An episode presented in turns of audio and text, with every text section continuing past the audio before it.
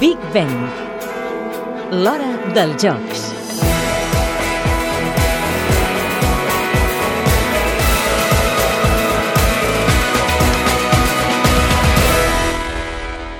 Els catalans que aniran amb la selecció espanyola d'handbol als Jocs de Londres ja coneixen el camí que hauran de recórrer per mirar de revalidar pel cap baix el bronze aconseguit a Pequín 2008.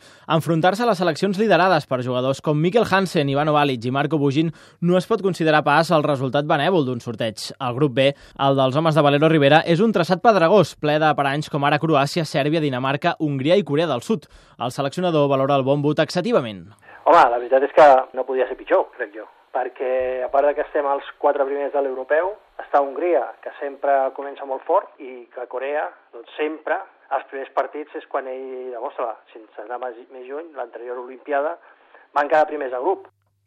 Aquest fort grup pot ser positiu de cara als encreuaments de quarts? Els encreuaments segur que serà França, segur que serà Islàndia.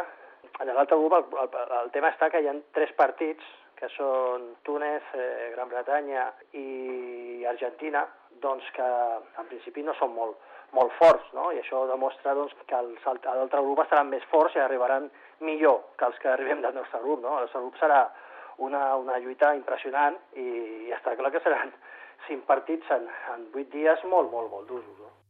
Amb tot, Valero Rivera té ben clar quins són per ell els candidats a penjar-se la medalla a Londres. El vigent campió olímpic és al capdavant dels seus pronòstics. França, com sempre, encara que l'europeu no va estar bé, però com sempre, més té un grup que l'afavorirà el no tenir tant desgast i arribarà molt fort a quarts de final, està clar, i, i després, doncs, com he dit abans, els quatre primers de l'europeu estaran en el nostre grup, no? Eh, penso que d'aquests cinc estaran les medalles.